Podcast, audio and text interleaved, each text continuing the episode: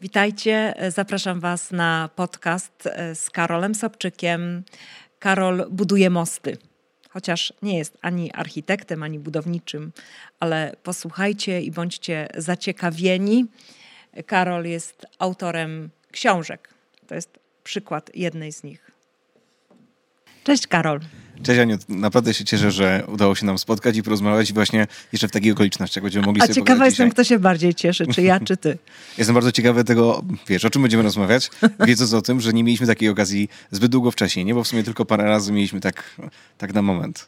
Wiesz co, y, w ogóle to jesteś dla mnie osobą, która jest naprawdę niezwykłą osobą. Y, jak sobie myślę o tobie, to mi się przypomina ten fragment e, z, ze Starego Testamentu, jak Dawid kończył życie i, i, i przekazywał e, kolejne swoje tam zadania swojemu synowi i mówi do starszych, że słuchajcie, tutaj jest przede mną e, mój syn, młody, taki niedoświadczony, taki świeżutki, a takie wielkie rzeczy Bóg dla niego przygotował. I ja zazwyczaj ten tekst, jak czytałam, to miałam przed oczami swoje dzieci. Nie?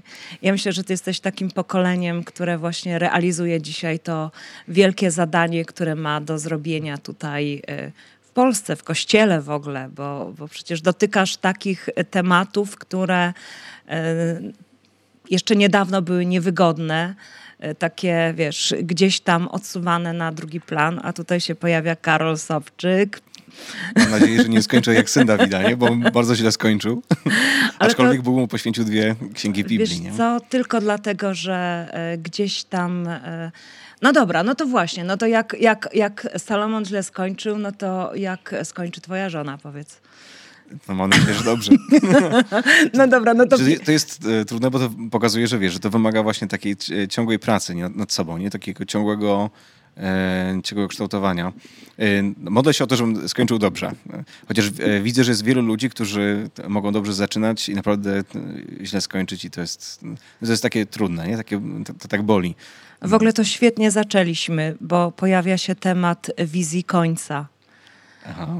Jaka jest, jaka jest twoja wizja? Jak skończysz swoje życie tutaj na ziemi? Hmm, wiesz to, to jest dobre pytanie, bo wiem o tym, że jesteś osobą, która e, bardzo lubi plan w swoim życiu. Nie? Moja żona czyta twoje książki i, e, i inspiruje się bardzo tym, co robisz.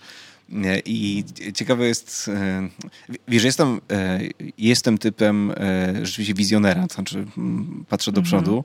Mm, natomiast jeśli chodzi o takie moje osobiste życie na przestrzeni ostatnich 12 lat, to wiele z tych rzeczy, które się dzieją w moim życiu, mm, to nie są rzeczy w jakiś sposób zaplanowane. I to jest jakby paradoks, e, dlatego że mm, nie byłem w stanie przewidzieć większości spraw, które miały miejsce. I, I, to sprawia też, że niezbyt dużo myślę o tym, jak skończę. Nie?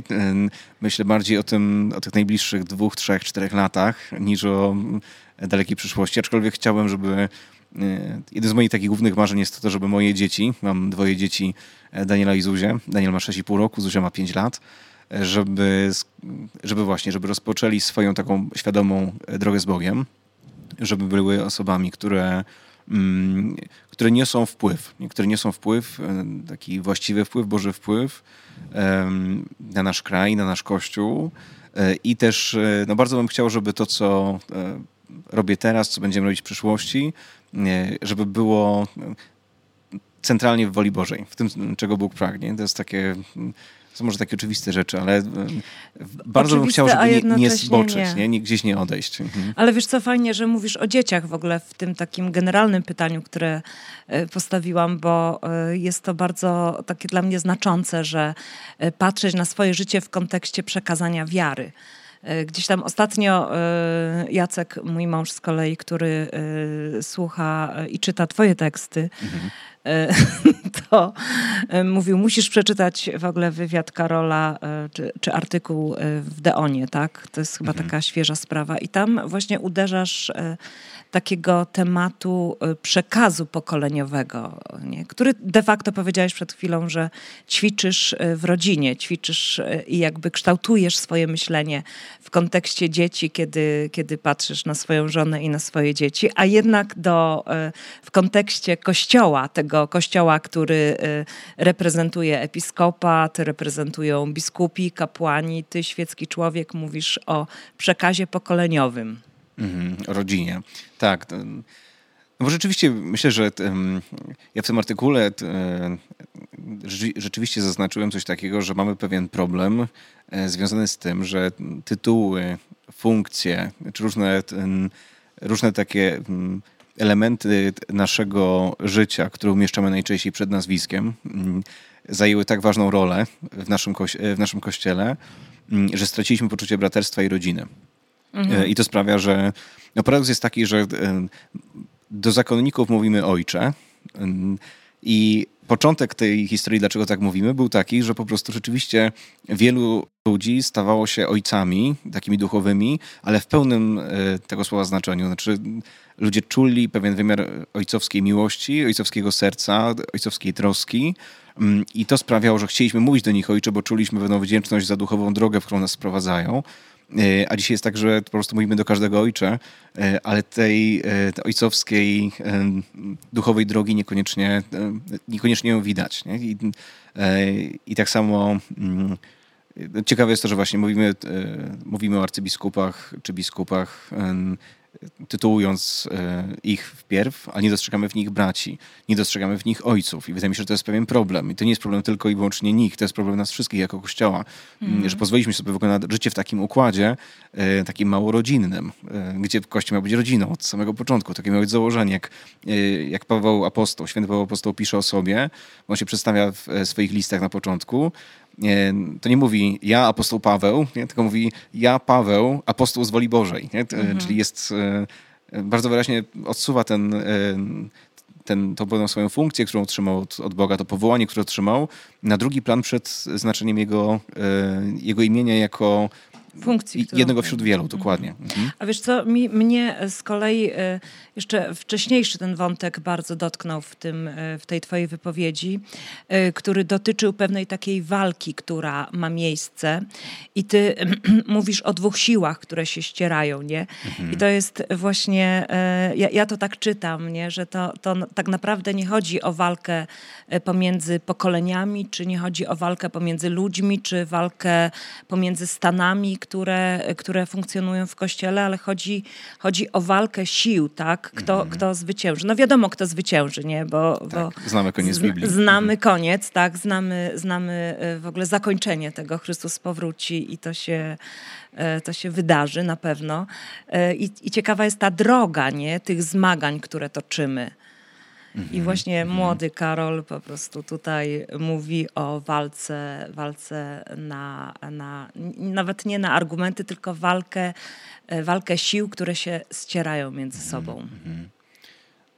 Dotykam tam, e, przy, przy tym temacie, o którym teraz mówisz, dotykam tematu jedności tak, i tego, że ja myślę, że tu jest gdzieś taka kluczowa walka. Myślę że też dlatego, że słowo diabolos, ono z greki oznacza tego, który dzieli. Mhm. No i to oznacza, że, że to jest jego główny cel. Podzielić nas, oddzielić nas od Boga, oddzielić nas od siebie i wiele wartości, wiele rzeczy przełożyliśmy, przełożyliśmy ponad nasze relacje i te rzeczy nas zaczynają dzielić. Jak gdybyśmy szukali innych sposobów, znaczy tego, tego, aby być razem, być w jedności, przy okazji dzieląc różne wartości między sobą i nie zawsze się zgadzając nawet ze sobą, ale jednak wychodząc do tego wspólnego korzenia, wspólnego fundamentu, my, myślę, że byłoby nam łatwiej. Tak myślę. Byłoby nam łatwiej.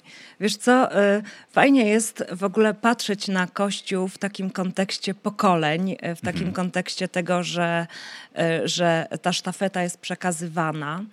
A e, w ogóle mnie interesuje, interesuje taki temat, w ogóle rola kobiety w kościele. Jak w ogóle, e, e, jak w ogóle widzisz, widzisz współpracę, w ogóle kobietę w tym takim systemie, który no, ma coś do powiedzenia w kościele? Mhm, mhm. Wiem, że kobieta jest nieodkryta w kościele cały czas. Tak myślę, że kobiety są nieodkryte, nieodkrytym potencjałem. Mam na myśli, mam na myśli to, że Dzisiaj jest tak, że Kościół jest żeńsko-katolicki, jeżeli chodzi o Kościół katolicki, dlatego że jest większość kobiet, jeżeli chodzi o odbiorców, ale paradoks jest taki, że mimo tego rola kobiety w Kościele jest dużo, dużo mniejsza niż mężczyzny. Myślę, że z jednej strony jest pewien, tak, tak sądzę, pewien taki Boży układ w tym, że Jezus chciał, żeby było 12 apostołów żeby byli to mężczyźni, bo mężczyzna otrzymał od Boga pewne usposobienie, pewne naturalne obdarowanie, pewien też autorytet jako mężczyzna, jak się mężczyzna nawraca, to się cała rodzina nawraca. Nie? Jest e, coś takiego. To jest moja taka osobista, subiektywna opinia. Natomiast myślę, że mimo wszystko rola kobiety jest, jest niedoceniona, niedostrzeżona w, w tym sensie, mm, że patrzę na przykład na moje małżeństwo i na problematykę wspólnoty, którą prowadzimy I wielokrotnie jest tak, że ja przychodzę i mam ochotę podjąć jakąś decyzję, e, która wynika z mojego usposobienia, z mojej wrażliwości, mm, a Gosia rzuca na to zupełnie inny, inną perspektywę z uwagi na to, że jest kobietą i też e, przefiltrowuje pewne rzeczy przez swoje emocje, przez swój rodzaj patrzenia. Mm, I ciekawe jest to, że na przykład wśród mówców chrześcijańskich generalnie mamy głównie mężczyzn mało mamy kobiet. Ciekawe. To jest bardzo ciekawe. I paradoks jest taki, że to, że to zwykle mężczyźni są osobami e, dużo bardziej zajętymi, jeżeli chodzi na przykład o świeckich, e, niż kobiety, ale mimo tego to świeccy mężczyźni są głównie proszeni o to, aby być mówcami wykładów, e, prowadzącymi konferencji i tak dalej. I łapię się sam na tym, że jak słucham kobiety, która głosi wykład, to jej nie do końca rozumiem. Ale próbuję sobie wyobrazić teraz kobiety, które słuchają mężczyzn i które też nie do końca mogą rozumieć mężczyzn. A jednak e, przekaz jest raczej jednotorowy niż, e, niż dwutorowy, w sensie jest raczej e, męski niż męsko-damski. Nie? Myślę, że tutaj jest jakieś jeszcze, są rzeczy do odkrycia przed nami w tej dziedzinie. Tak myślę. Wiesz co, ja e, pisałam doktorat z ekumenizmu i Aha. E, tak wnikliwie studiowałam w ogóle te pierwsze wpływy charyzmatyczne na Kościół i wiesz, byłam e, bardzo zdziwiona, że tam no, jednak przewagą były kobiety i że e, dużą rolę kobiety Odgrywały. odegrały w przebudzeniu, w każdym przebudzeniu w ogóle, jak tak sobie, tak nawet pomyślę o tym, o tym e, polskim przebudzeniu, czy w ogóle przebudzeniu w kościele katolickim, to mhm. no, tam było sporo znaczących kobiet. E, a w ogóle jest ciekawe, ciekawe jest to, że siedzę z Karolem i mamy dwie różne perspektywy, bo moja perspektywa jest taka, że jak w ogóle zaczęłam się w tym świecie charyzmatycznym, charyzmatycznym poruszać, to e, głównie spotykałam kobiety. Kobiety, hmm. które, e, które były mówcami, kobiety, które gdzieś tam jakieś za, założycielskie mają, e, znaczy takie posługi hmm. założyły w kościele różne. I, ale wiesz co? Wreszcie się w czymś nie zgadzamy.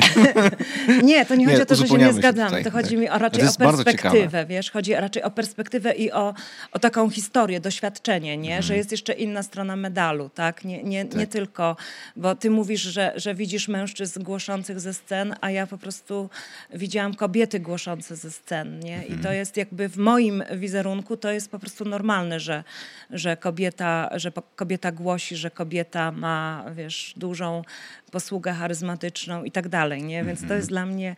Ale jak zadam ci pytanie y, i ty, y, i tam było o tym przekazie międzypokoleniowym, mhm. to y, wiesz, ja tak zeszłam na, na rolę kobiet, dlatego że mi się, wiesz, w mózgu taka ścieżka otworzyła, że ja, ja wierzę, nie? I mam takie przekonanie też, myślę, że to jest jakiś taki też rodzaj takiego proroczego widzenia tego, co się dzieje w Kościele, że Dzisiaj są, wchodzimy w czasy, kiedy sztafetę Bóg wkłada w ręce kobiet. I ty nazwałeś to takim e, nieodkryciem kobiety, nie? Ja to nazywam, że e, ja, to, ja o tym, jak myślę o tym, to bardziej jestem e, świadoma tego, że kobiety potrzebują zająć swoje miejsce, nie? Czyli mhm, zacząć mhm. życie według planu, mhm. zacząć takie, wiesz, życie według tego, żeby na jaw wyszło to, kim my tak naprawdę jesteśmy. I to jest, to jest właśnie taki background był tego, jak, jak cię zapytałam w ogóle o kobiety. Nie? Tak, rozumiem. To jest duże wyzwanie. Duże wyzwanie, bo na przykład w Krakowie znam jedną teolożkę, jest doktorem teologii, z doktoratem. No i ona mówi, że właściwie nie jest w stanie wykładać teologii na w seminariach. Że właściwie nie jest w stanie. Znaczy, dlatego, że mało który rektor jest otwarty na to, aby kobieta głosiła. Wśród e, kleryków? Wiesz co, ja, ja myślę tak, że... Może to jest specyfika że Krakowa. gdyby mnie Bóg powołał do tego, żebym głosiła w seminariach, to byłabym w stanie Mhm. osiągnąć taki cel, nie? Więc to jest bardziej, ja, ja myślę, nie? W mojej głowie jest taka koncepcja, że, y, że to chodzi o to, do czego nas Bóg powołuje. Bo ja Mhm. akurat znam kobiety, które wykładają, tylko że to jest amerykański amerykańska rzeczywistość. Nie? Mhm. Nawet mam taką przyjaciółkę, która jest ojcem duchownym w seminarium. Hmm. Więc y, po prostu y, jakby to nie jest, y, nie, nie jest jakieś tam odkrycie w kościele. No rzeczywiście w Polsce to, Mhm. to jest, y, to, to, to może, może być nowe, nie? Ale wiesz, mi się wydaje, że to nie jest taka kwestia, że y, jak sobie myślimy o kobietach, czy w ogóle kobietach i mężczyznach, to dla mnie to jest jednak takie myślenie w koncepcji, do czego nas Bóg powołuje. Tak. Mhm. A do ciebie, ciebie do czego Bóg powołuje? Wiesz co, tematem, który Bóg złożył w moim życiu w 2010 roku, to jest temat jedności. E, I to jest temat tego, aby służyć na rzecz e, budowania mostów, budowania połączeń, budowania dróg e, komunikacji, relacji, dialogu. Czyli takiej rzeczywistości, która, która ostatecznie ma sprawić, że będziemy jedno. Em, Początkiem tego jest czas mojego nawrócenia, kiedy z osoby bardzo religijnej, bardzo takiej em, zaangażowanej w Kościół, ale od takiej strony pobożnościowej e, i do tego mającej w sercu nienawiść e, względem niekatolików, e, usłyszałem Ewangelię i to jeszcze z ust protestantów.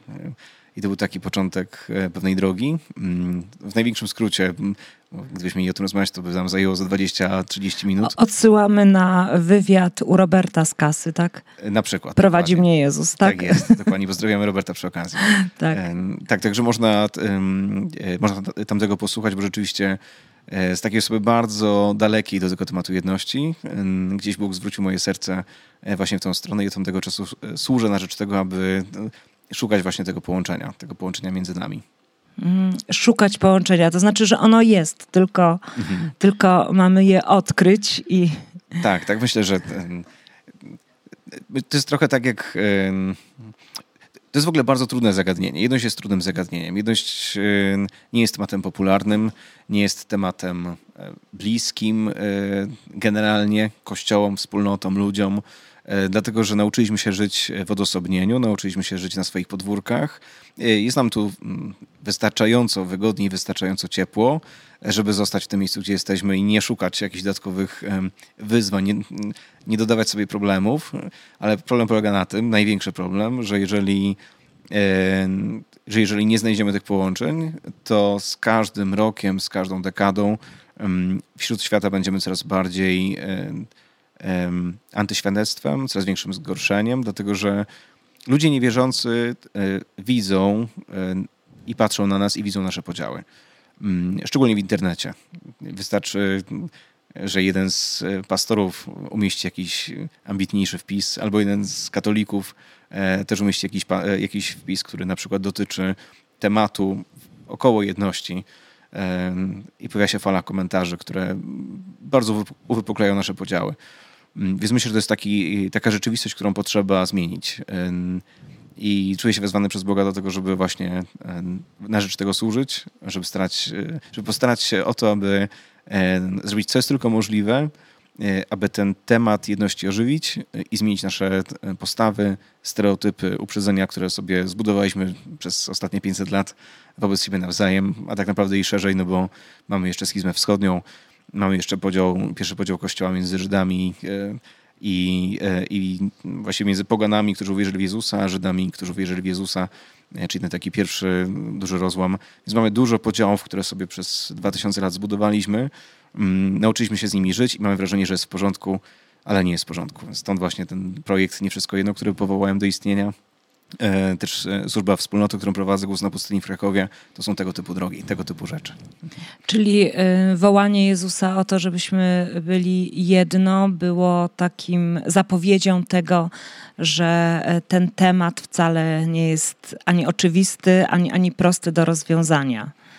Tak, dokładnie. Myślę, że jeszcze, że jeszcze podkreśla to fakt, że Jezus prosił o to Ojca. To znaczy stanął w obecności uczniów i powiedział Ojcze, proszę Cię, aby oni byli jedno. Wiedział o tym, że to będzie bardzo duże wyzwanie. Ale wiedząc o tym, jaka jest Jego wola, no to tym bardziej myślę, że każdy z nas, jeżeli jest wierzący, powinien się poczuwać do tego, aby wdrożyć to pragnienie, to marzenie Jezusa w swoim życiu, żeby dążyć do jedności i żeby rzeczywiście żyć w odniesieniu do tych słów, wprowadzić je w życie, modlić się o to. W ogóle temat, temat jedności, on gdzieś tam się zaczyna już bardzo wcześnie w ogóle w naszym życiu, bo y, nam z, łatwością przychodzi krytykowanie innych, z łatwością y, wytykamy palcami, z łatwością potrafimy wymienić y, bez, bez oddechu błędy czyjeś, potrafimy powiedzieć, kto jest w ogóle powodem moich problemów, a a to jest, to jest już taka, wiesz, mentalna przeszkoda przed tym, żeby myśleć o sobie w kontekście, że, że przecież mamy coś, y, coś takiego, co nas łączy, że y, no to, jest, to jest w ogóle taka, wiesz, negatywna mentalność, która, która dzieli ludzi i ona gdzieś tam idzie od, od, od Adama i Ewy już nas hmm. tak, wiesz, się wpisała w tą naturę starego człowieka, który... Tak, bo dużo łatwiej jest powiedzieć o tym, kim nie jesteś, niż to, kim jesteś. Dużo łatwiej jest e, określić siebie przez negację. Mhm. E, dlatego, że jeśli powiesz, że jesteś, e, załóżmy, nie jesteś taka jak protestanci, to od razu jakby w jednym słowie streszczasz bardzo dużą część swojego życia. Natomiast e, jakbyś chciała to samo powiedzieć tylko za pomocą e, nie antagonizmu, nie przeciwieństwa, tylko właśnie powiedzieć o tym, kim naprawdę jesteś, no to zaczyna się wyzwanie, zaczynają się schody. Dlatego, że są rzeczy, z którymi się rzeczywiście utożsamiasz, e, będąc katolikiem. Są takie, z którymi się może utożsamiasz trochę mniej. To jest naturalne, bo mhm. gdybyśmy weszli, że tak powiem, w głowę każdego, to zobaczylibyśmy, że e, to, co myśli moja żona o kościele i o byciu katolikiem, nie pokrywa się idealnie w 100% z tym, co ja mam, e, ani z tym, co ty. Nie, po prostu byśmy zobaczyli pewne dysproporcje i teraz do określenia ich, zdefiniowanie ich zaczyna być wyzwaniem, zaczyna być problemem. Więc łatwiej jest powiedzieć, nie jestem jak tamci i, i tutaj zakończyć, mm. ale problem polega na tym, że jak tak się definiujemy, to zaczynamy nabierać też pewnej, e, pewnych skłonności do tego, aby wybudować mur, um, aby żyć w uprzedzeniach, w stereotypach, wzmacniać je, e, wzmacniać postawy, które tak naprawdę nie budują, a niszczą. Znaczy tak naprawdę y, praca w dziedzinie jedności w Kościele to jest e, praca, e, praca z jednostką, mhm. E, praca z przekonaniem jednostki, bo te przekonania gdzieś tam są blokadą, czyli to, co, to, co Paweł nazywa burzeniem twierdz i warowni, tak, przez mhm. zmianę myślenia, czyli przez, przez nawrócenie. To tak. wszystko zaczyna się, praca na rzecz jedności to jest tak naprawdę ewangelizacja. To jest mhm. szukanie takiej dojrzałości, takiej otwartości, Dzisiaj świat w ogóle sobie z tym świetnie radzi, nie? Są pojęcia otwarty umysł, w ogóle, wiesz, dialog, y, otwarta komunikacja, mhm. jakieś, wiesz, inne zarządzanie w ogóle zasobami ludzkimi. To wszystko, y, to wszystko jest gdzieś tam w świecie widoczne, natomiast na, na poziomie naszych kościelnych y, rzeczywistości, to no jest to takie, taki temat cichy, niezręczny, gdzieś tam ukryty pod mhm. spodem. No, może o tym tak nie mówmy. Nie? Mhm. Paradoks jest taki, że na przykład dokumenty Kości e, Kościoła katolickiego, czym ty wiesz jeszcze lepiej niż ja, e, są bardzo otwarte w tym, akurat w tym kontekście, w tym względzie, ale my na poziomie naszej mentalności, to co mówisz na poziomie umysłu, na poziomie mm, pewnych przekonań, historii, którą która została nam przekazana, e, historii też uprzedzeń, pewnych obaw. E, ja to mówię właśnie u Roberta e, z kasy. Jak ja poznałem protestanta, to byłem przerażony, że będę z nim mieszkał, bo miałem taką sytuację, że musiałem z nim zamieszkać przez tydzień czasu. Ja wszystkie rzeczy pochowałem do swojej torby, bo się bałem, że on, że on mnie okradnie. Po prostu miałem takie, takie o nim pojęcie, czyli paradoks jest taki, że protestanci nie kradną, tak jak katolicy nie kradną, w sensie stereotypowy protestant nie kradnie, tak jak stereotypowy katolik nie kradnie. No, pewnie zdarzają się wyjątki po jednej i po drugiej stronie, e, o czym wiemy, ale to są jakieś wyjątkowe sytuacje, to są jakieś e, e, rzeczy, które nie pasują do tego, czym katolik jest, ani czym protestant jest. Mm, więc moja historia pokazuje, że poprzez wzmacnianie tych podziałów, wzmacnianie pewnych uprzedzeń, jeżeli nie zmienimy sposobu mówienia, jeżeli nie zmienimy kultury, w której żyjemy, to będziemy doprowadzać do takich sytuacji, jak miała ona miejsce w moim przypadku. Znaczy będziemy rodzić niestworzone obrazy rzeczywistości, które są dzisiaj w głowach protestantów na temat katolików i w głowach katolików na temat protestantów. I dopiero zmierzenie się z tym, to znaczy staniecie, e, staniecie z nimi, poznanie ich, relacja, to myślę, że to jest kluczem, właśnie relacje, zbudowanie mm. jakiegoś mostu, jakiejś drogi do poznania się nawzajem, e, to to zaczyna otwierać oczy i zmieniać. Mhm. Mm. No to budowanie relacji e, to jest takie kluczowe. Ja tak, wiesz, jak w ogóle, w ogóle dla mnie, nie, takim kluczowym pojęciem E, ekumenicznym jest dialogiczna wymiana darów. I ona jest dla mnie też takim e, bardzo ważnym tematem, dlatego że e, ja mam takie osobiste doświadczenia związane z tym, bo jak śledzimy historię w ogóle ekumenizmu, no to widać wyraźnie, że ta dialogiczna wymiana darów, ona dotyczyła tego, że Kościół katolicki czerpał z zasobów e, kościołów protestanckich czy tych przebudzeniowych mhm. E, późniejszych, a e, ja jak założyliśmy Armię Dzieci już ponad 10 lat temu i Bóg włożył w nasze serce też takie objawienie tego, kim są dzieci w kościele, to zorientowałam się w pewnym momencie, wow, doświadczam takiej rzeczywistości, o której nie widziałam jeszcze, nie wiedziałam, nie, że, że ona ma miejsce, że my jesteśmy też postrzegani przez protestantów jako, e, jako ludzie, od których oni chcą czerpać, dlatego że e, wiele, wie, wiele e, takich mieliśmy sytuacji, gdzie rzeczywiście dzieliliśmy się naszym objawieniem tego, co, co Bóg robi dzisiaj, mhm. chociażby w dziedzinie dzieci, posługi czy przekazywania wiary.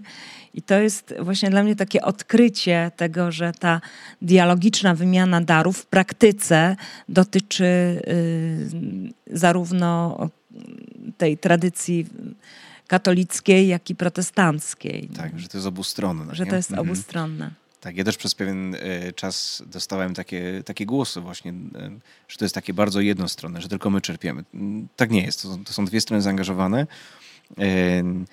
i, e, albo inaczej, dwie strony tak samo niezaangażowane i dwie strony tak samo zaangażowane. To znaczy, ci, którzy są otwarci, są otwarci. Ci, którzy są zamknięci, są zamknięci. Mhm. Więc jak nie ma dialogu, no to po prostu dialogiczna wymiana darów nie funkcjonuje. Mm, ale też zauważam, nie wiem jak, jak ty, ale ja mam wrażenie, że e, zaczyna się coś powolutku w tym temacie zmieniać, jeżeli chodzi o Polskę. Że jest coraz większa otwartość jest pewna ostrożność. Mieliśmy na pewno wyhamowanie w okresie 2016-17, może troszkę 18, jak dotykaliśmy tych tematów e, w Polsce związanych z tak zwaną pentakostalizacją. Mówię tak zwaną, ponieważ ona była też e, źle interpretowana i dopiero ostatnio biskup Andrzej Siemieniewski taką książkę wydał, która dookreśliła, e, myślę bardzo tak trafnie, czym ta pentakostalizacja jest, mówiąc, że kościół, który powstał 20 wieków e, od samego początku zajmowało się pentakostalizacją, czyli tego, tym, aby Duch Święty e, e, był tym, który ożywia każdą rzeczywistość tegoż kościoła. Mm, natomiast myślę, że przez podjęcie takich, takich tematów dość tak głośno w tych latach 2016-17 nastąpiło pewne ochłodzenie w, w wymianie darów między nami. Natomiast zauważam, że z portem zaczyna ono wracać i mhm. wierzę, że będzie się wzmacniało dalej. Wymiana darów. No wiesz co, ale ja jak y, podróżowałam po Stanach, w takich znaczących środowiskach dla, dla Polaków, chociażby IHOP, nie?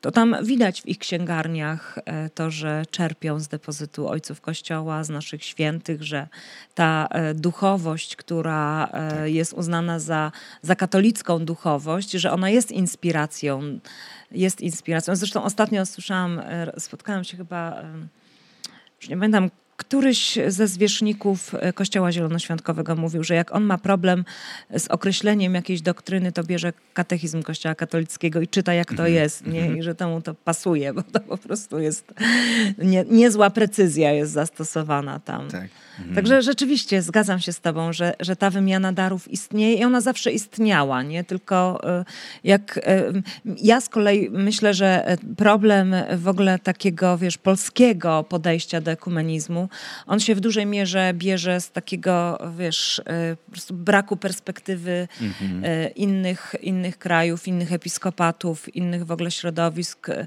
wspólnot, bo no bo, bo, bo, rzeczywiście jak się tak patrzy na, na Kościół rzymskokatolicki w perspektywie ogólnoświatowej, to... Jest inaczej. Jest inaczej, mhm. zdecydowanie Znacząco. jest inaczej. Mhm.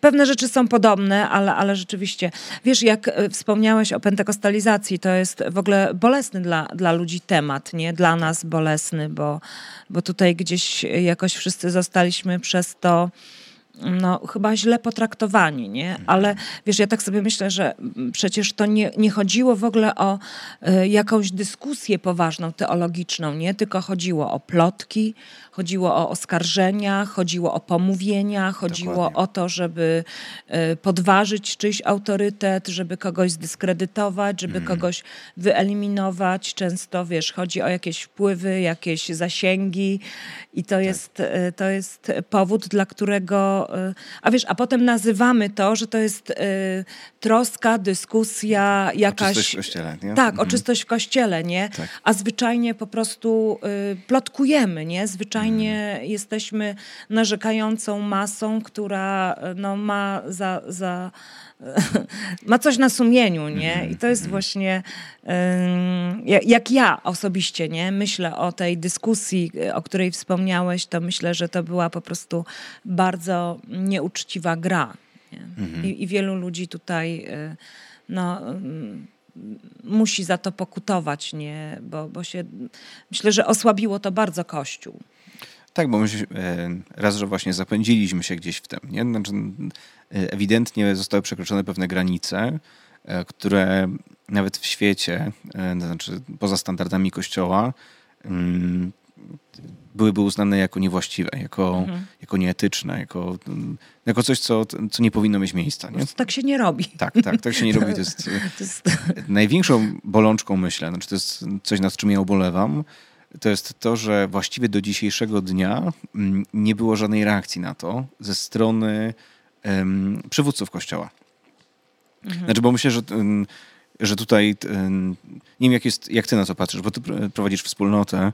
Mm, jeśli w mojej wspólnocie miałaby sytuacja, miejsce, która byłaby ewidentnie jakąś taką mm, moralnie niewłaściwą, no to szukałbym dróg do tego, żeby w jakiś, w jakiś sposób to rozwiązać. Nie? Albo przynajmniej, żeby wskazać, że są pewne rzeczy, których nie powinno się robić. I już nawet nie dotykając tych rzeczy przeszłych, e, chociaż pokazać standardy na przyszłość. Natomiast tu nie wiadomo, jak się z tym odnaleźć. Nie ma jednoznaczności w, e, jakby w ocenie pewnych e, sytuacji, no, które jednak uderzyły bardzo w niektóre osoby, w niektóre środowiska, niektóre wspólnoty. No i myślę, że było też dużo takich, takich cierpkich, że tak powiem, owoców tamtej sytuacji. Nie? Tak myślę. Ale mm, ja chcę patrzeć pozytywnie i patrzeć do przodu, szukać e, tego, co, co jest dobre. Więc to, co na pewno jest dobre po tamtym czasie, to jest to, że jednak jesteśmy tacy prości jako ludzie, że wspólny wróg e, czyni nas bardziej zjednoczonymi. Jeżeli e, wrogiem jest, jest diabeł, wrogiem jest nasz przeciwnik, jeżeli widzimy, że on atakuje, to tym bardziej jesteśmy e, zjednoczeni. To jest, taki, to jest bardzo też e, e, dobre, ale też bardzo takie proste. Znaczy, ja się tylko modlę za charyzmatyków, żeby, żeby wiedzieli, że wrogiem jest przeciwnik, a nie ludzie. Nie? Żeby, żebyśmy byli tu na to wrażliwi, ale myślę, że wszyscy tego potrzebujemy, tej, tej świadomości. Nie tylko charyzmatycy pojawia się tytuł naszego podcastu Jeden cel. Mhm. I to jest, to jest wszystkim nam potrzebne, żebyśmy widzieli, co ma być końcem naszych zmagań tutaj na ziemi. I ty mówisz o sobie, że, że jesteś powołany przez Boga do tego, żeby budować mosty. To, to proroctwo, które usłyszałeś gdzieś tam wiele lat temu, już wiele lat temu, mm -hmm, chociaż jeszcze mm -hmm. nie tak wiele z mojej perspektywy, tak. ale, ale bardzo, bardzo to doceniam, nie? że to wziąłeś i że jakoś tak kładziesz to y, na tapetę i, i po prostu mówisz o tym, nie? Mm -hmm. że, że jedność w Kościele jest ważna. I, I, ciekawa jestem, czy, czy jesteś prześladowany w kościele dzisiaj? To jest e, dobre pytanie. Ja, e, jestem trochę ostrożny w wykorzystywaniu tego słowa, w, e, mając świadomość braci i sióstr, którzy płacą mm. cenę życia. Nie? I tutaj bym zostawił mm -hmm. to słowo w tej rozmowie w tym właśnie kontekście, że myślę, że prześladowanie -hmm. jest jest dla mnie też takim wyrazem gotowości do zapłacenia e, najwyższej ceny albo takich, e, no, takiej też fizycznej, nawet, e, nawet ceny fizycznego kosztu. Mhm. Mm, na poziomie takim, takim psychicznym czy, czy duchowym myślę, że że, taki, że to ma miejsce rzeczywiście, ale to jest trochę naturalne, bo to jest, też chyba to u Roberta mówiłem, że to jest takie naturalne, że jeżeli trzymasz się mocno ze swoim kościołem i jest on dla ciebie ważny, bo to jest twój kościół, ale chcesz wyjść, wyjść w stronę twoich na przykład protestanckich czy prawosławnych braci, e, którzy, których też próbujesz chwycić za rękę, to oni jakby też trzymasz ich mocno, ale trzymasz też, też swoich mocno. No i szybko się okazuje, że stajesz się taką osobą trochę ukrzyżowaną, nie? dlatego że starasz się być tym mostem. Ale bycie mostem trochę, wiesz jak jest z mostami. Po mostach ludzie jeżdżą, po mostach ludzie depczą, chodzą, nie? Więc trochę musisz pozwolić na to, żeby jednak być w takim miejscu. Dać taką, przyzwolić na to, że ludzie mogą po tobie trochę deptać, trochę, e, trochę wiesz, że, że inne osoby stają się trochę takim czasem ciężarem dla ciebie, no bo musisz go, ten ciężar ponieść, będąc mostem ale jednak owoc tego i świadomość tego, co umożliwia, być, e, co umożliwia to połączenie, jest bardzo satysfakcjonujące i daje bardzo dużo radości.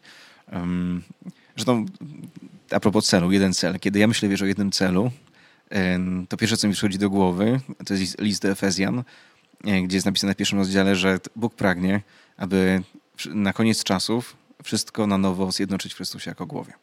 Mm. Dla dokonania pełni czasów to jest coś, co musi się wydarzyć. Nie? I to jest coś, co się wydarzy e, z chwilą jego przyjścia. Nie?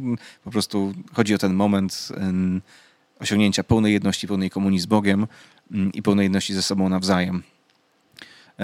Bo myślę, że wielu ludzi w ogóle jest przekonanych w ten sposób, że Jezus przyszedł na ziemię i e, po to, aby zniszczyć e, dzieła diabła, ale ograniczają te dzieła diabła tylko do grzechu.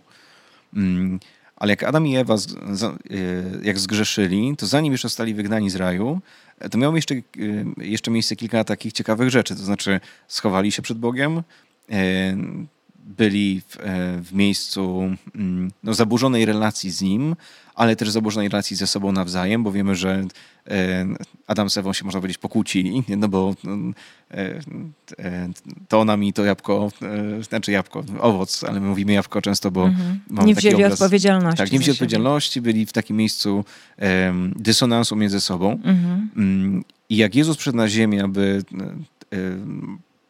wszystkie skutki, aby całe grzeki, wszystkie skutki tego grzechu wziąć na siebie, to on nie uwolnił nas tylko od naszych osobistych grzechów. On też przyszedł po to, aby uzdrowić nasze relacje, aby uzdrowić e, ten brak komunii, który jest między nami, aby przywrócić wszystkie więzi do właściwej harmonii. E, I teraz jest tak, że jeżeli będziemy ograniczać tylko i wyłącznie jego ofiarę mm, zbawczą do naszych grzechów, co jest oczywiście fundamentalnym i, i, i, bardzo ważnym, to tak naprawdę nie, nie bierzemy pod uwagę całości tego, dlaczego on umarł. On umarł właśnie po to, abyśmy byli e, na nowo jedno, na nowo w pełnej komunii. E, I, I, tak jak myślę o tym jednym celu, to jak myślę sobie o takim, jaki ja mam jeden cel, e, to to jest taki cel, który, który mam ja. Służyć na rzecz tego, aby przygotować drogę Bogu i aby wszystko wróciło do tej pełnej jedności w Nim. Mhm.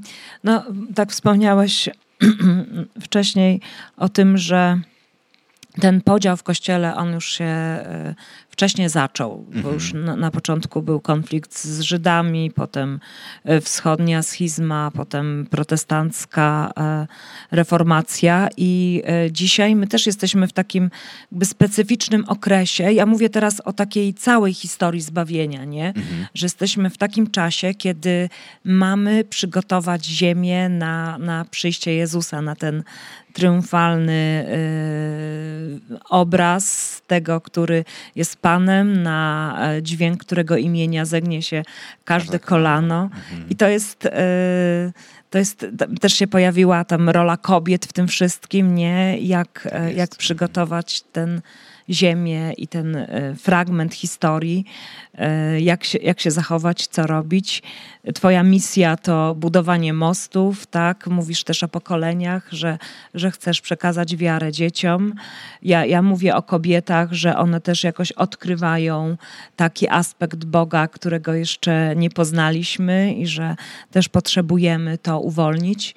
I, e, I to przyjście Jezusa i to świętowanie tej jedności mhm. będzie miało miejsce, więc w sumie to możemy się już zacząć cieszyć z tego, że jesteśmy jedno. Tak, ja myślę, że jak najbardziej. No bo to jest też takie, takie ciekawe. Mnie ten obraz jedności też się kojarzy bardzo z tuniką Jezusa. Mhm. E, Jezus miał szatę i miał tunikę. I, I te szaty zostały rozdarte, ale tuniki nie rozdzierano. Nie?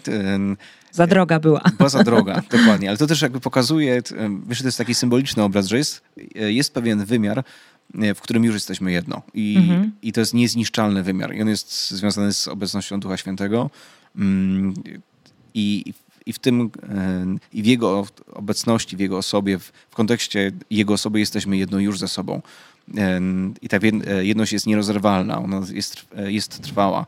Ale jest pewien wymiar, który został rozdarty, został podzielony i te rzeczy potrzebujemy przywrócić e, mhm. z powrotem do jedności. Tak, tak na to patrzę. Czyli potrzebujemy się nawrócić, przemienić w swoim myśleniu i Dokładnie. za tym muszą pójść nasze wymagania. Jak mówisz o, w ogóle o swojej historii, nie? jak mówisz o swoim nawróceniu, to używasz tego pojęcia łaski, że mhm. E, potrzebowałeś zrozumieć e, to, że zostaliśmy zbawieni dzięki łasce. I to jest tak. też, e, myślę, że to też się da odnieść do tego e, kontekstu e, przemiany świata i do tego doświadczenia jednego kościoła hmm. przez łaskę. Tak. Jose Prado Flores, jak był kilka lat temu w Polsce, to właśnie wziął to było takie, takie przemówienie dla pewnej grupy księży, też biskupów, liderów związanych z nową ewangelizacją. I on powiedział coś takiego, że że musimy stanąć prawdzie w oczy, e, że Kościół katolicki nie głosił przesłania łaski przez wieki. I że ma nadzieję, że to sformułowanie e, świętego Pawła, w którym pisze o tym, że e, jeśli ktoś by inną Ewangelię głosił, głosił im niż ta, niech będzie wyklęty, że Bóg się zlitował nad nami. Widzimy to, że otrzymaliśmy Ducha Święt, e, też obecność Ducha Świętego i, widzimy e, owoc Ducha Świętego w życiu katolików, przez co możemy mm, rozpoznać, że Bóg się nie odwrócił od nas e, i chwała Bogu, ale Jose Prado powiedział, że uważa, że to jest coś, co powinno nas mocno zatrzymać. Mm, I myślę rzeczywiście, że to przesłanie łaski jest jeszcze w wielu miejscach nieobecne, jeżeli chodzi o nasz Kościół ale, jest, e, ale to przesłanie jest czymś, co nas łączy. To, to przesłanie mhm. jest konieczne, jego przyjęcie do tego, żebyśmy mogli w tej jedności stanąć. Ja sam go nie znałem, mimo że przez, ja byłem, miałem 5-6 lat jak, e, jako dziecko, jeździłem na spotkania e, i wakacje, na turnusy katolickiej Nowej Charyzmatycznej. Więc można powiedzieć, jestem takim wychowankiem od Nowej Charyzmatycznej. I pamiętam też, jak dużo mi to dało. Znaczy, wiem o tym, że właśnie ta praca wykonana przez osoby mm, tamtego czasu nade mną, jako pięciolatkiem, przyniosła konkretny owoc w moim życiu. Mm, natomiast przyznam, że przez 20 lat później byłem formowany czy kształtowany w różnych miejscach i w żadnym z nich nie usłyszałem wprost e, tego przesłania o łasce. Słyszałem o uczynkach, o tym, że potrzebuję być dobrym człowiekiem, o tym, że potrzebuję żyć we właściwy sposób, ale tego tematu łaski gdzieś zabrakło. Możliwe, że on był, e, że on był mówiony, ale myślę, że tutaj potrzeba takiego pierwszego głoszenia e, często. To znaczy potrzebujemy regularnie o nim mówić. Arcybiskup Grzegorz mówi tak fajnie, że wszystko zaczyna się e, od kerygmatu i on zawsze jest pierwszy. Że, mhm. że pierwsze jest mówienie o łasce i, i, i, to potrzebujemy regularnie głosić, regularnie no, o tym nauczać, o tej wolności, którą otrzymujemy dzięki Jezusowi. Myślę, że gdyby Kościół głosił to przesłanie w taki stały, regularny sposób, cały Kościół, to bylibyśmy w innym miejscu. Wiesz co, to jest ciekawe, co mówisz. I teraz też jest, e, pokażę swoją perspektywę, nie? Mhm. Bo e, ja podobnie jak ty, nie? Dziewczyna z katolickiego domu, chodziłam do kościoła i w ogóle, e, wiesz, taka byłam pobożna bardzo i to wszystko realizowałam, do czego Kościół mnie jakby wzywał, wychowywał, ale ja po prostu zawsze wiedziałam, że ja to mam za darmo. Mm. Ja zawsze to wiedziałam, że, e, że, że Bóg mnie kocha po prostu, bo jestem Anią. Wiedziałam, że On po prostu na mnie patrzy wyjątkowo, nie? Gdzieś miałam to ja, ja, tego, e, wiesz, ja to musiałam usłyszeć w kościele, nie? Musiałam, musiałam nasiąknąć tym, chodząc do kościoła, takiego do rzymskiego, katolickiego kościoła, o którym się mówi, że się tutaj nie głosi łaski, a jednak gdzieś e, ja, ja zawsze wiedziałam, że, że ja mam to wszystko za darmo, nie? Zawsze mhm. wiedziałam, że nic nie muszę robić, zawsze wiedziałam, że po prostu wszystko mhm. jest dla mnie dostępne. Nikt nie musiał mnie formować w tym, ja po prostu gdzieś gdzieś moja, e, moja dyspozycja na to była, nie? Więc to jest też takie, jak ja dzisiaj sobie patrzę w ogóle na to, co się mówi y, o kościele katolickim, nie? Ta taka duża doza krytyki, ona się też, e, tak bardzo mi się podobał ten e, wywiad z Edkiem Ćwierzem, nie? Mhm, to jest w mhm. ogóle, w ogóle mega, to szacun dla ciebie za to, co zrobiłeś, nie? Ja sobie tak, wiesz, jak słucham tego wszystkiego, nie? To myślę sobie, że ja jednak w tym kościele katolickim jestem rasową protestantką i ja wcale nie muszę, wiesz, modlić się na różańcu, żeby mieć tożsamość katolicką. Wcale nie muszę mieć jakichś, wiesz, nabożeństw majowych w historii, y, czy, czy po prostu różnych dziwnych rzeczy. I ja, wiesz, od dziecka w tym funkcjonowałam. Ja nie mam mhm. takiego mhm. schematu, że potrzebowałam kogoś, kto by mi coś głosił, żebym sobie po prostu tą teologię ustawiła. To, to w ogóle mnie to ciekawi, nie? Bo to jest rzeczywiście. E, e, mo, można tak, nie? Że, że to jest możliwe, że dla Boga to jest możliwe, żebyśmy e, znali Go, bo to tak naprawdę, wiesz, no, celem jest to, żebyśmy Go poznali, mm -hmm. żebyśmy się dowiedzieli, jaki On jest, bo chyba też gdzieś to y, mówiłeś o tym, że, że on jest prawdą, nie? że tak naprawdę mm, on jest, on jest jeden nie? i mhm. nie ma tutaj w ogóle miejsca na jakąś dyskusję o prawdzie, nie? tylko chodzi o poznanie tej prawdy. Nie? Bo co my będziemy tak. dyskutować, co jest prawdą, a co jest fałszem. Nie? Mhm. Zrobimy sobie mhm. ankietę, tak? tak. Tak. A przecież y, wystarczy go poznać, nie zbliżyć się do niego i to objawienie przychodzi. Tak. Zazdroszczę ci tego, że miałaś e, takie doświadczenie już jako mała dziewczynka, nie, że od początku wiedziałaś o tym. Ja też wiedziałem, że Bóg mnie kocha. Też miałem takie przekonanie o tym. Ale miałem wrażenie, że moje grzechy sprawiają, że nie będę zbawiony.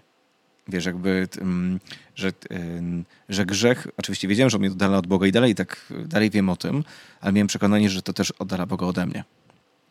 Że Bóg jednak, kiedy zgrzeszę, że patrzy na mnie trochę bardziej spod oka Dzisiaj wiem, że e, kiedy zgrzeszę, to mnie woła, bym wracał do niego. Nie? Po prostu tęskni za mną, wychodzi jak, e, jak do syna marnotrawnego, żeby po prostu e, go przytulić i żeby on wrócił, ale tego nie miałem. Wiedziałem, że mnie kocha, że gdzieś w środku taki jest, ale miałem poczucie, że kiedy jednak pojawia się grzech z mojej strony, że pojawia się pewien dystans. Pojawia się pewna taka, mm, takie uprzedzenie do mnie. E, to rodziło we mnie niepewność, czy jak umrę, to będę w niebie, czy, czy będę w piekle, gdzie się znajdę. E, to sprawiało, że miałem myśli, które takie dręczące, które nie pozwalały mi zasnąć. I dopiero poznanie miłości Boga, poznanie łaski i tego, że, e, że teraz zbawienie jest darem darmowym, otrzymanym z łaski dzięki wierze, sprawił, że zacząłem żyć inaczej. I mhm. paradoksalnie zacząłem mniej grzeszyć. To znaczy w ogóle przestałem czuć pragnienie grzechu. Jakby moje życie przestało się odnosić w ogóle do tej rzeczywistości, bo moim punktem zainteresowania przestał być grzech, a zaczął być Jezus i, i życie w Nim.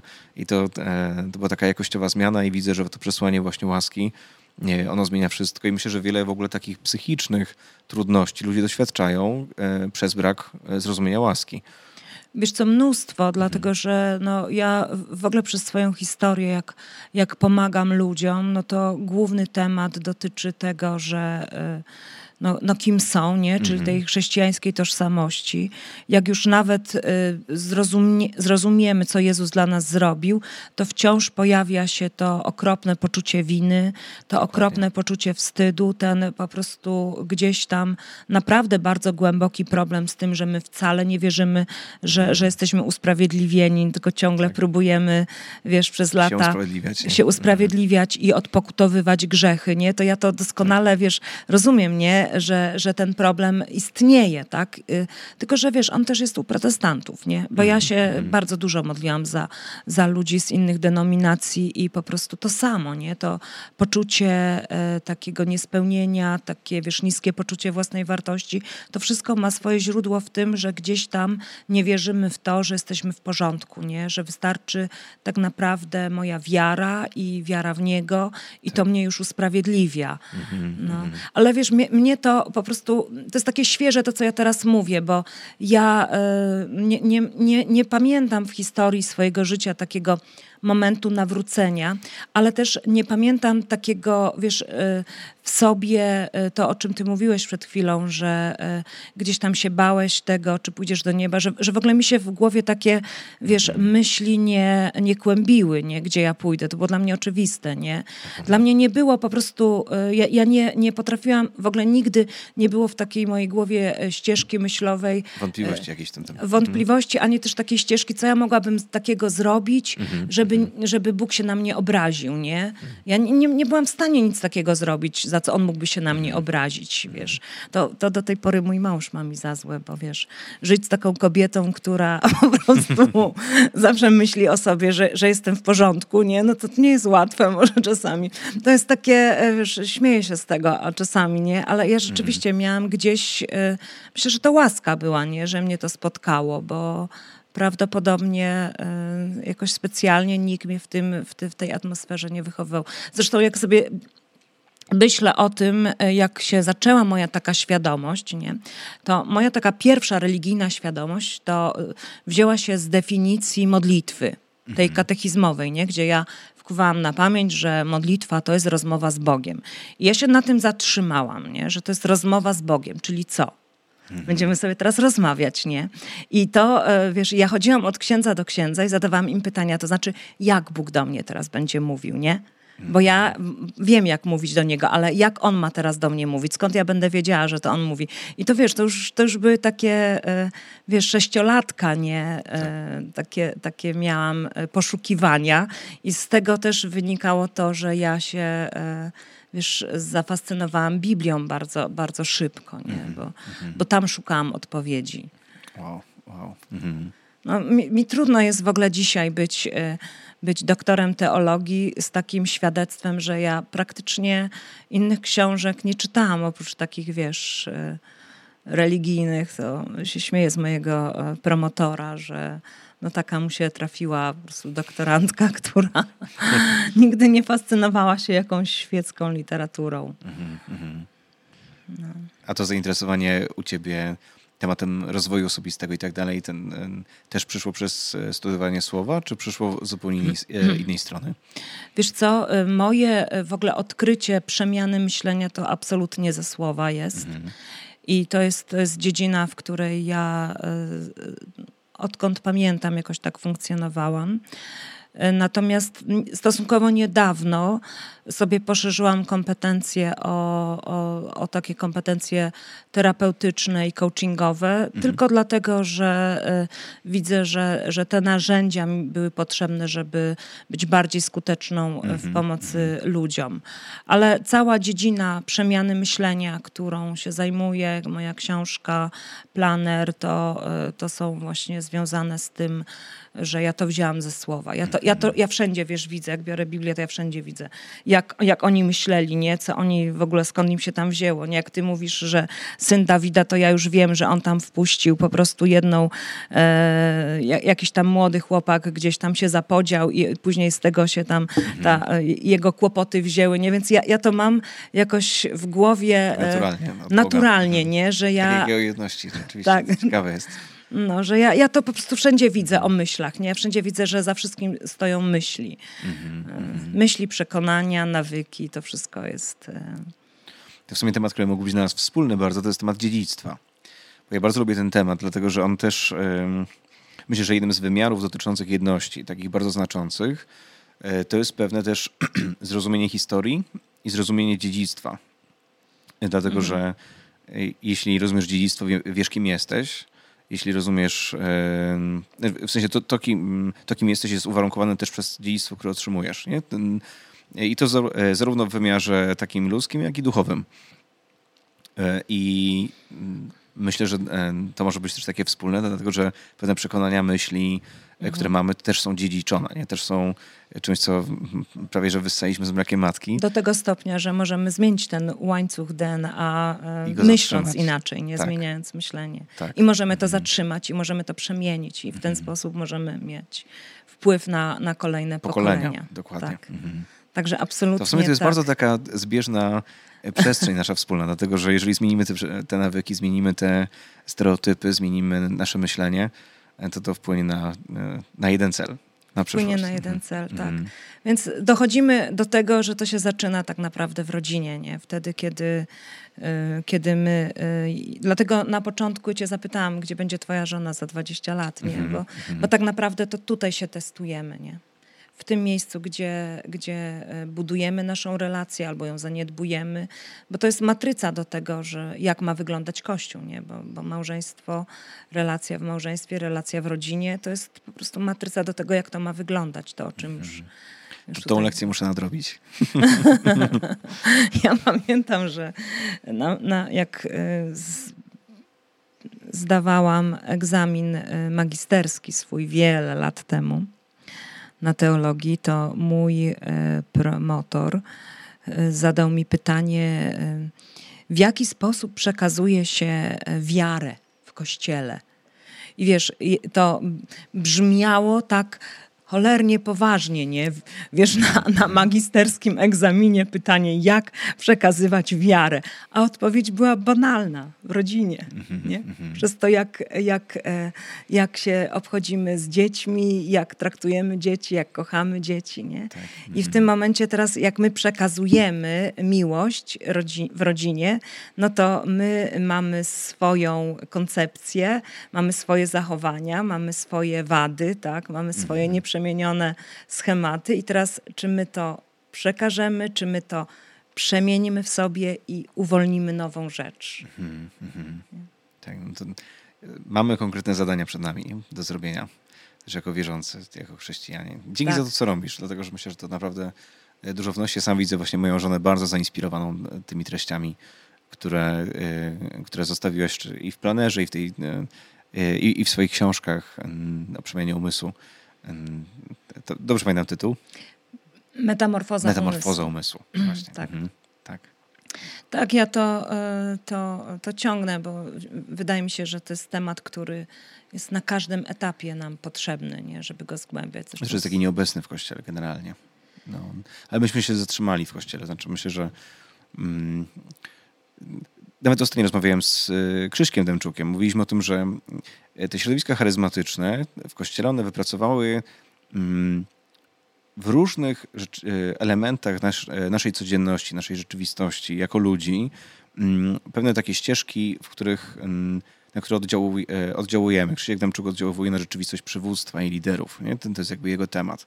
Ja mocno w tej przestrzeni jedności. Maciek Wolski w przestrzeni modlitwy w przestrzeni przemiany umysłu i takiego też rozwoju osobistego. I dzieci. Też, e, też przekazu wiary. Tak, dokładnie. Jest... Myślę, że jest wiele takich osób, które robią bardzo dużo takich dobrych rzeczy w Kościele i bardzo e, wpływających na poszczególne środowiska czy rzeczywistości, które są z nimi związane. Ale jeszcze parę lat temu, myślę, że nawet mógłbym powiedzieć trzy lata temu, e, generalnie o tych rzeczach się nie mówiło w kościele szeroko. Mm, dopiero teraz, kiedy jesteśmy w miejscu, takie, to jest moje, moja osobista perspektywa, w miejscu, kiedy mm, w kościele e, widać też dużo takich negatywnych stron i trudnych e, okoliczności, które są związane z Kościołem obecnie. Ten proces oczyszczenia, ten proces taki, gdzie mówi się o błędach, mówi się o, e, o też, mówi się o błędach, o grzechach, nawet o przestępstwach, nie? No, o takich rzeczach, które nie powinny mieć miejsca, to w tym momencie ta rzeczywistość charyzmatyczna zaczyna stawać się w ogóle obecną w mediach chrześcijańskich, dlatego że to jest rzeczywistość, którą można pokazać jako coś, co rzeczywiście działa, jako coś, co rzeczywiście wnosi, wnosi dobry wpływ i jest pewnym owocem życia Kościoła. Więc mam wrażenie, że te rzeczy, które ty robisz, które robią inne osoby, będą teraz coraz bardziej wzrastać i będą ukazywane jako coś, o czym Kościół mówi i czym Kościół żyje. Bo do tej pory można powiedzieć, że trochę rzeczywistość charyzmatyczna funkcjonowała niejako na uboczu Kościoła. To znaczy, ja wiem o tym, że na poziomie dokumentów ona była ważną e, rzeczywistością, jedną z wielu, ale mimo wszystko mm, wiele wspólnot charyzmatycznych miało problem, żeby w ogóle być przy parafii. E, a jeżeli już była przy parafii, to właśnie była przy parafii, ale bez jakiegoś wpływu na parafię. I wierzę, że to się będzie stopniowo zmieniać, że będziemy to widzieć, ponieważ e, ludzi bywa z kościoła. Ewidentnie jest, mamy, mamy spadek wiernych a ci, którzy zostają, trochę jest tak jak we Francji, to są albo tradycjonaliści, albo charyzmatycy. Nie? Ten, mhm. To są tylko dwie, właściwie dwie ścieżki, które zostają. Nie? Pozostałych mm, po prostu we Francji nie ma. Myślę, że u nas będzie podobnie, więc myślę, że to, co my nosimy, to, co ty nosisz, to, co noszą inni, będzie naturalnie stawało się czymś, co będzie ożywiało poszczególne parafie, poszczególne kościoły rzeczywistości. Będziemy mogli powiedzieć, że to, co ty robisz, to rzeczywiście to jest coś, co robi Kościół w Polsce. Wiesz, o co mi chodzi? Że jakby, mhm. że nie tylko na poziomie takim teoretycznym, no bo teoretycznie, e, jeżeli ja coś robię, to, to ty jestem częścią Kościoła, więc robię to jako, nie jako też jako Kościół, ale że będziemy mogli powiedzieć o tym, tak, to jest rzeczywistość, którą prowadzi Kościół. W Kościele mówi się o przywództwie, w Kościele mówi się o metamorfozie umysłu, w Kościele mówi się o jedności, że będziemy mogli tak, tak mówić. Wierzę w to mocno, że tak będzie. No, mam nadzieję, że zobaczę taką rzeczywistość, że kobiety staną na scenach charyzmatycznych konferencji i będą głosić. Co? Mm, też w, to, też w to wierzę. Pozdrawiamy przy okazji wszystkich liderów, którzy są odpowiedzialni za te, za te rzeczywistości. E, ale to jest to, ale to, to co ty mówię. powiedziałeś, nawet, nie ja. Tak, to ja to powiedziałem, więc ja to biorę na siebie. Tak. E, nie, ale ty powiedziałeś w ogóle o tych kobietach, których nie ma na scenach. No bo nie ma ich. No. Znaczy, wiem, że ty masz inne doświadczenie, ale ja mam takie.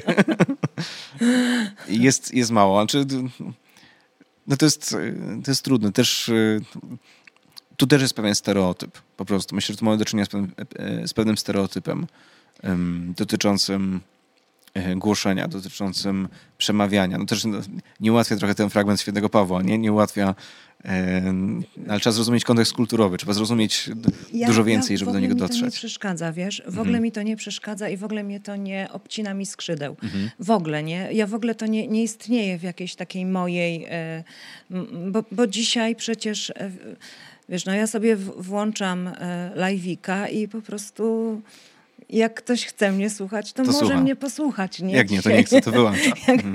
już od trzech lat już tak jest, nie? Więc w zasadzie dzisiaj e, to, to już nie ma znaczenia, nie? E, dlatego, że mhm. dzisiaj każdy sobie buduje e, społeczność, każdy sobie znajduje ludzi i ten model ewangelizacji mi się bardzo tak. podoba, nie? Bo on jest taki uczniowski, nie? Mm, Bo ja dzisiaj mogę rzeczywiście świadomie spotykać się z ludźmi, mogę ich prowadzić, mogę mieć na nich wpływ, tak. mogę mieć e, do nich przesłanie, mogę ich wziąć w jakiś mentorski proces, mogę im po prostu zapewnić formacje, mm, mogę być z nimi, towarzyszyć im, dla nich piszę książki, dla nich nagrywam kursy, po prostu jestem dla nich dostępna. Tak. Nie? Więc ten, ten problem takiej, wiesz, e, bycia dostępnym, to on już przestał istnieć, a zwłaszcza od roku, jak mamy, wiesz, ten, ten czas mhm. pandemii.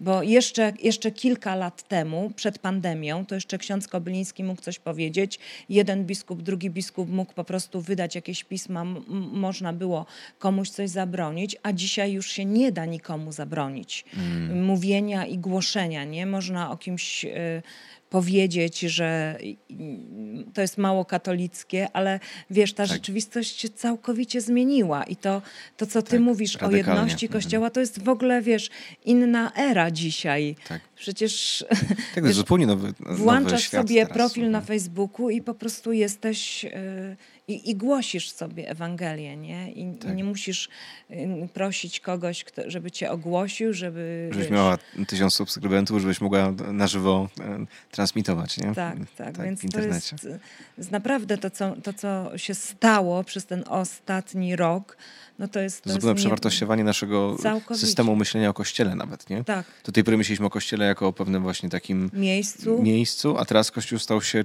częścią życia i albo ktoś w nim jest, albo go nie ma. Mhm.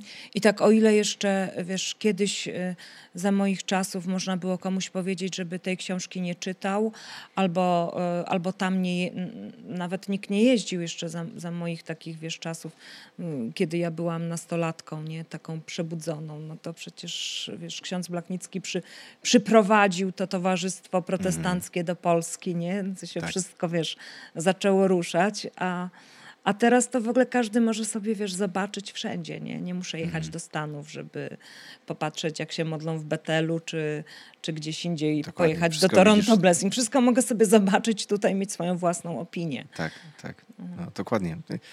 I to też, to też myślę, że, mm, że jest jakimś takim znakiem czasu.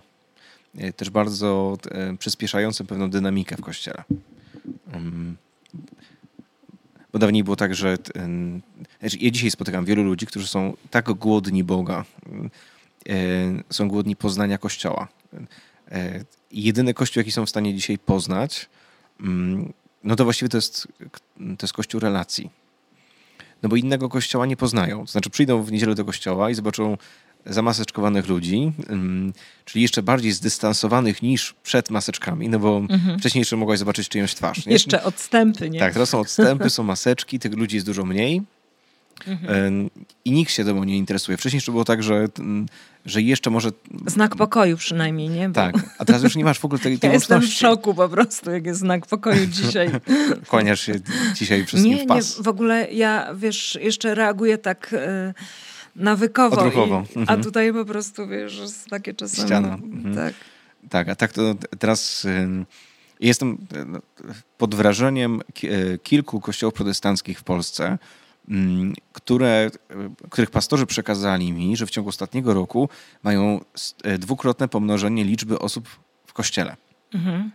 E, to mnie bardzo skonfrontowało, bo moja wspólnota jest właściwie dokładnie w tym samym miejscu, w którym była rok temu, jeżeli chodzi o liczebność.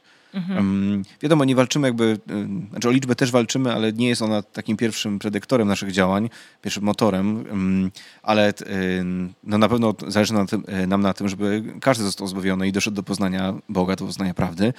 Niemniej pomyślałem sobie, że, że jest coś, czego na przykład moja wspólnota nie wykorzystuje, e, a co wykorzystują tamte kościoły, to znaczy one robią transmisję i na koniec transmisji zachęcają ludzi do tego, żeby E, że jeżeli jesteś z tego miasta, w którym jest ten kościół, e, napisz do nas e, i my cię zaprosimy na spotkanie w domu.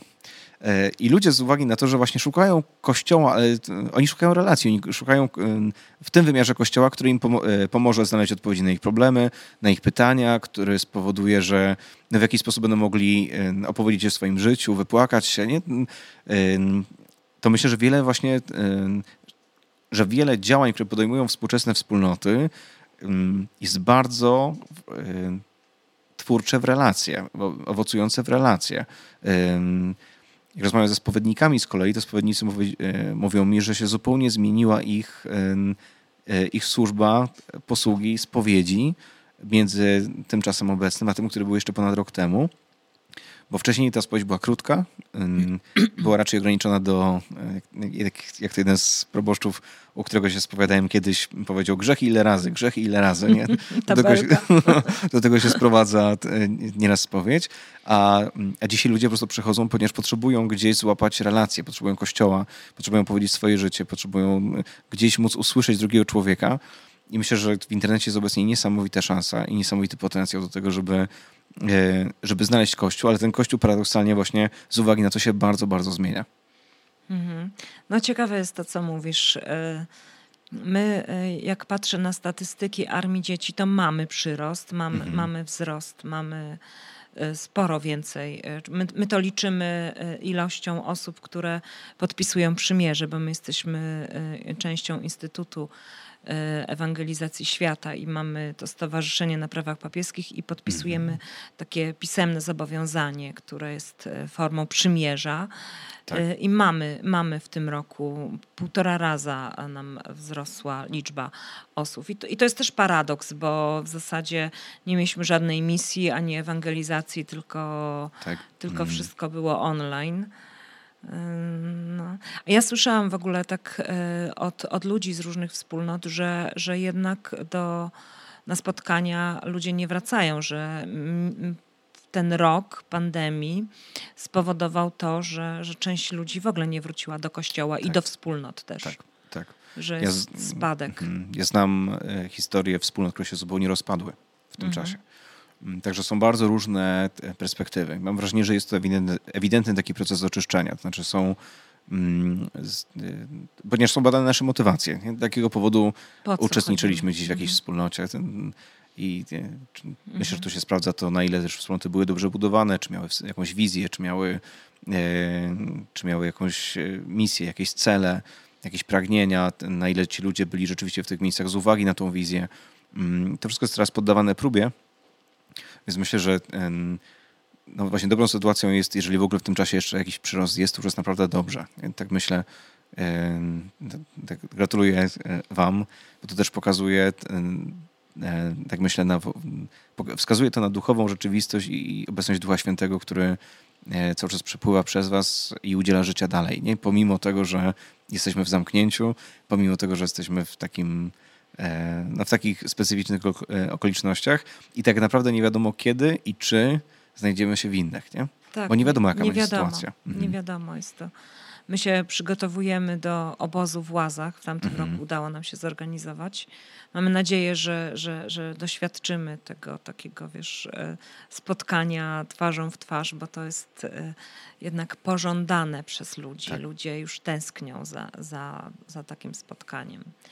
No. W jakim miejscu będzie Twoja wspólnota za pięć lat? Mhm. Bardzo chciałbym, żeby e, nasza wspólnota mm, żeby się rozrosła. Bardzo bym chciał takiego przyrostu tej wspólnoty, z uwagi na to, że obecnie mamy 100 parę dorosłych osób i ponad 60 dzieci, ale myślę sobie o tym, że w 700-tysięcznym mieście Kraków Aha. E, taka wspólnota to jest, e, mówię o liczebności, to jest coś, co się mieści w granicach błędu statystycznego. Nie? To jest po prostu bardzo niewiele. A myślę że rzeczywiście, że ludzie, których których Bóg nam dał we wspólnocie, mają niesamowity potencjał i są ludźmi, którzy e, mają bardzo takie duże możliwości nawet powoływania swoich wspólnot, czy powoływania, czy, czy krzewienia tej rzeczywistości Królestwa Bożego e, w różnych miejscach i w różnych okolicznościach, na różne sposoby. Więc bardzo chciałbym tutaj ten, wymiar liczebności wzmocnić. Nie z uwagi na samą liczbę, ale z uwagi na to, żeby po prostu to, co Bóg złożył w tym miejscu, zostało rozlane do serc ludzi, bo to jest coś, co E, co jest naszym marzeniem. Więc e, na pewno to jest taki, taki pierwszy, pierwszy cel.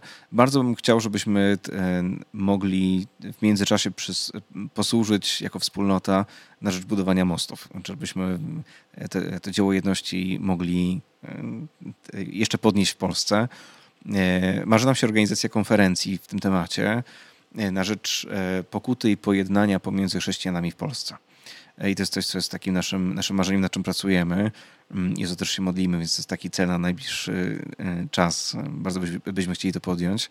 Mm, też e, myślę o takim, e, o takim wpływie międzynarodowym, to znaczy tym, żeby też to, co Bóg złożył w tym miejscu u nas, żeby mogło posłużyć w różnych częściach świata, żeby nie ograniczać tego tylko do, do naszego kraju, ale wyskoczyć szerzej.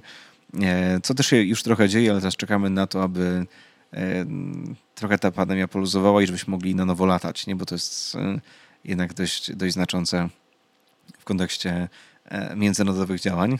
To jest, to jest jedno. Mhm. Mm, mm. Bardzo bym e, chciał, to jest takie moje, moje osobiste pragnienie wzrostu w namaszczaniu. To jest coś, o co się modlimy. Ten, jak, jak patrzę na, na wspólnot, na przykład jedną z takich wspólnot, którą się inspirujemy w ostatnim czasie, to jest E, wspólnota Cored Lumen Christi nie? W, w Anglii. Mhm. Mm, ich prorocze namaszczenie jest dla mnie niespotykane na taką skalę. Myślę, że w świecie. Myślę, że są wyjątkowi, jeżeli chodzi o to, e, o to obdarowanie. E, więc od pewnego czasu, już od dłuższego czasu ćwiczymy się w tym, trenujemy to. Tak? Znaczy, chcemy się w tym rozwinąć i prosimy Boga o większe namaszczenie w tej przestrzeni. Więc to jest takie moje marzenie, żeby zobaczyć wspólnotę, która nazywa się Głos na pustyni, która jest z samej swojej natury głosem proroczym i żebyśmy mogli e, wzrosnąć w tym proroczym obdarowaniu. w ogóle takim moim marzeniem, jeżeli chodzi o wspólnotę, to jest to, że bardzo bym chciał, żeby ludzie, którzy są w mieście Kraków, wiedzieli o tym, że kiedy przyjdą na spotkanie wspólnoty, to że przychodzą niejako na wydarzenie. Że przychodzą na, na wydarzenie, że coś się tutaj wydarzy. Nie? No, mhm. To jest takim moim, e, moim marzeniem, żeby, mm, żeby przywrócić możliwość spotkań w szerszym gronie e, i żeby móc właśnie tego typu wydarzenia organizować, takie przebudzeniowe wydarzenia, e, takie, które sprawiają, że przychodzisz inna, wychodzisz inna. Nie? Mm, to jest takie, takie moje osobiste marzenie i bardzo bym chciał to zobaczyć w ciągu pięciu lat. Amen. Amen. Ja wierzę w to, że, że wzrośniecie w proroczym namaszczeniu. Amen. Co, co Bóg mówi do Kościoła dzisiaj? Jak to proroczo rzuciłaś pytanie. widzisz? O, rzuciłaś pytanie ambitne bardzo. Mm. Ale to dlatego, że, że mm, chcę, chcę, y, jestem człowiekiem wiary, że to prorocze namaszczenie nad tobą jest i że je właśnie uwalniasz teraz. Mm.